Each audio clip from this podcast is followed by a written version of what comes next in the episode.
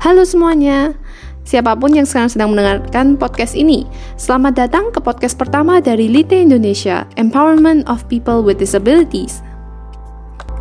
Sebelumnya, izinkan aku untuk memperkenalkan diri terlebih dahulu. Namaku Ana dan aku bakal mengisi podcast ini untuk beberapa menit ke depannya. Semoga kalian gak ada yang bosan sama aku.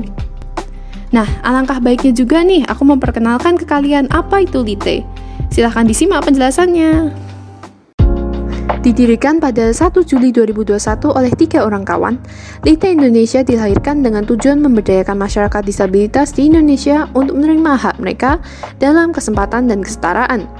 Lite Indonesia berusaha untuk mencapai lingkungan yang ramah, mewujudkan interaksi yang positif antara teman-teman disabilitas dengan lingkungannya, serta bersama-sama menyampaikan informasi yang kredibel mengenai masyarakat disabilitas. Harapannya, Lite Indonesia dapat menjadi wadah informasi juga peran aktif dalam memberdayakan teman-teman disabilitas. Nah, kan sekarang udah tahu kan Lite itu apa? Oke, sekarang uh, giliran aku curhat bentar ya nih jujur aku gugup banget sih ini soalnya aku yang pertama kali membuka podcast untuk Lite tapi aku pengen banget nih memberi yang terbaik untuk kalian yang sekarang sedang mendengarkan hmm, aku ingat banget sebelum aku bikin podcast ini ya kayak tegang banget gitu. Mikir banget mau bikin konten apaan ya gimana caranya bahas empowerment tapi caranya tuh enjoyable gitu. Terus habis itu aku tiba-tiba keinget dulu aku pernah ikut kayak webinar penyiaran gitu kan. Terus uh, narasumbernya bilang coba kamu temuin nichemu apa yang buat kamu menonjol? Eh ketemu deh. Cara untuk mengangkat tentang topik disabilitas dengan cara yang um, aku anggap aku bisa lakuin gitu aku kan suka banget baca buku uh, aku juga suka nonton film terus dengerin musik terus apa ya menikmati apa pun deh outlet kreatif Terus aku rasa kan sekarang udah bisa nebak kan di ku apa dan mungkin apa yang aku mau bahas di podcast ini juga. Nah, tema besar bulan ini adalah equality for people with disabilities. Terus aku nemuin beberapa film dan buku yang aku rasa bakal pas banget buat dibahas nih, buat di review sama kalian nih. Penasaran nggak? Penasaran lah, masa enggak? Yuk, cue the opening. 3, 2, 1, action! Oke, jadi selamat datang to Disabilities in the Eyes of Art, di mana kita akan mereview santai tentang seni dan disabilitas. Jadi buat kalian yang mungkin mau rekomendasi bahan bacaan atau film atau musik, boleh banget deh stay tuned. Oke, ayo kita langsung aja mulai. Pertama, aku bakal bahas dulu nih dari kategori perfilman. Yang pertama, aku mau bahas tentang Miracle Worker. You teach you to sit still, Miss Sullivan. I'd have to teach her language first. Language? If she doesn't know words, how could you know why you want her to sit still? Miss Sullivan, perhaps you were misled as to Helen's condition. She can neither see nor hear. But if it is her senses that are impaired and not her mind, she must have language. Language is more important to the mind than light is to the eye. But how will you teach her if you can't talk to her? Anyway, I can. Nah, mungkin kalian udah ada yang pernah nonton. Kalau enggak, aku jelasin dulu overview filmnya. Miracle Worker bercerita tentang perjalanan hidup Helen Keller, dilihat dari sudut pandang gurunya, Anne Sullivan, yang berusaha mengajarkan kepada Helen yang uh, mungkin sudah kalian ketahui adalah seorang deafblind mengenai dunia melalui cara berkomunikasi. Jadi film ini sudah dibuat ulang sekitar tiga kali loh diadaptasi dari autobiografi Helen Keller sendiri pada tahun 1903. Awalnya ini diadaptasi dalam bentuk pertunjukan teater dan pernah main di Broadway juga loh. Baru kemudian, film adaptasi pertama pada tahun 1962 menyusun remake-nya tahun 1979 dan yang paling terakhir adalah tahun 2000 yang aku tonton. Awalnya sih nonton ini itu karena disuruh tugas sekolah, tapi ternyata aku seneng banget sama jalan ceritanya. Uh, aku baiknya sih jangan cerita banyak-banyak karena nanti spoiler ya kan? Tapi bener-bener aku terharu banget sama endingnya. Dan nonton itu rasanya kayak campur aduk banget antara sedih senang dan haru bener-bener oh yang main aktor-aktornya juga bagus banget. Dan percayalah kalian bakal lihat baik Helen Keller maupun gurunya itu keren banget dan aku belajar banyak banget dari mereka berdua. Helen Keller walaupun dengan segala keterbatasannya tapi ternyata dia pinter banget. Ah aku jangan lanjut lagi deh. Nanti spoiler.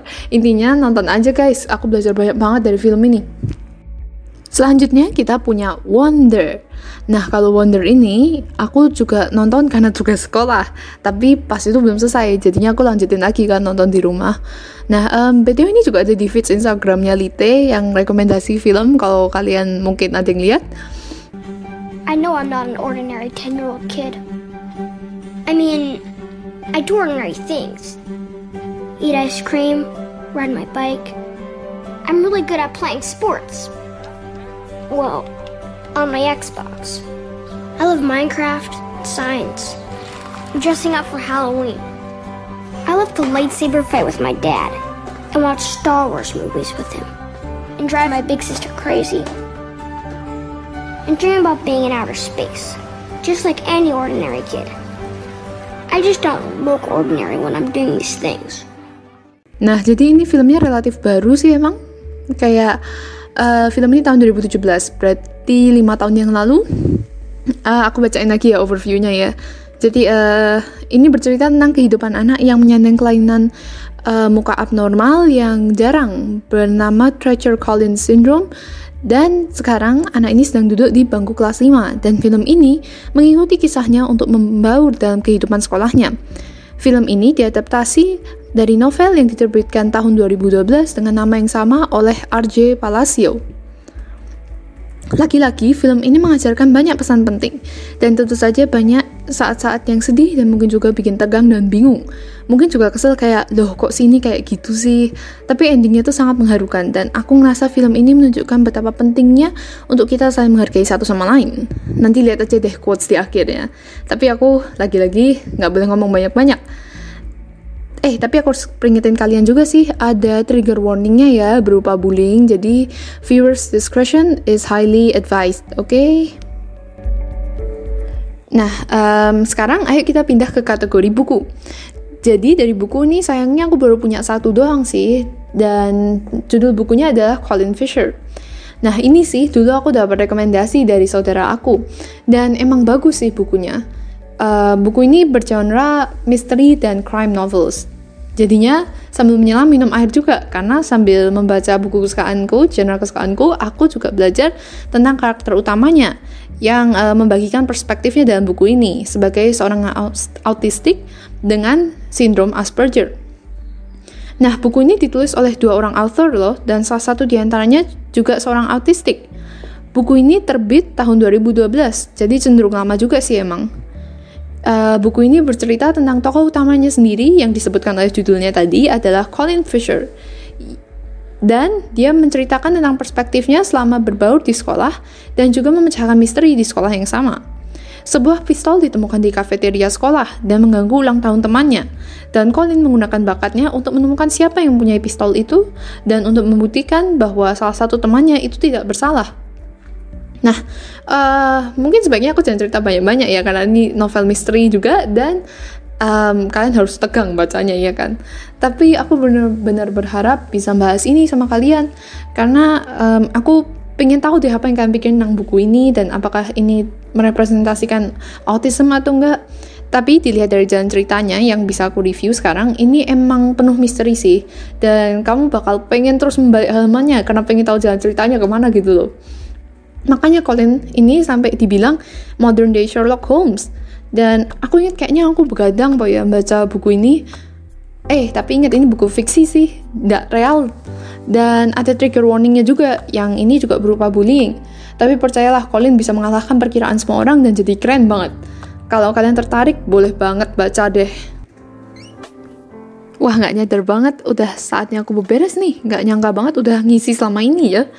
Um, yang pasti, semua karya yang udah aku bacain tadi, semua memegang pesan bahwa siapa pun kalian, dengan kerja keras, pantang menyerah, dan hati yang baik, kalian berhak untuk berada di dunia ini sama seperti yang lainnya.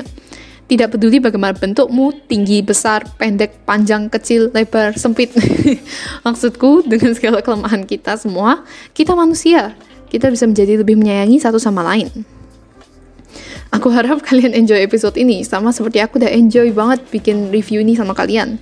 Um, aku minta maaf banget belum banyak bahasan aku di sini, tapi percaya lain kali kalian lihat aku, aku bakal bawa lebih banyak lagi deh buat di review.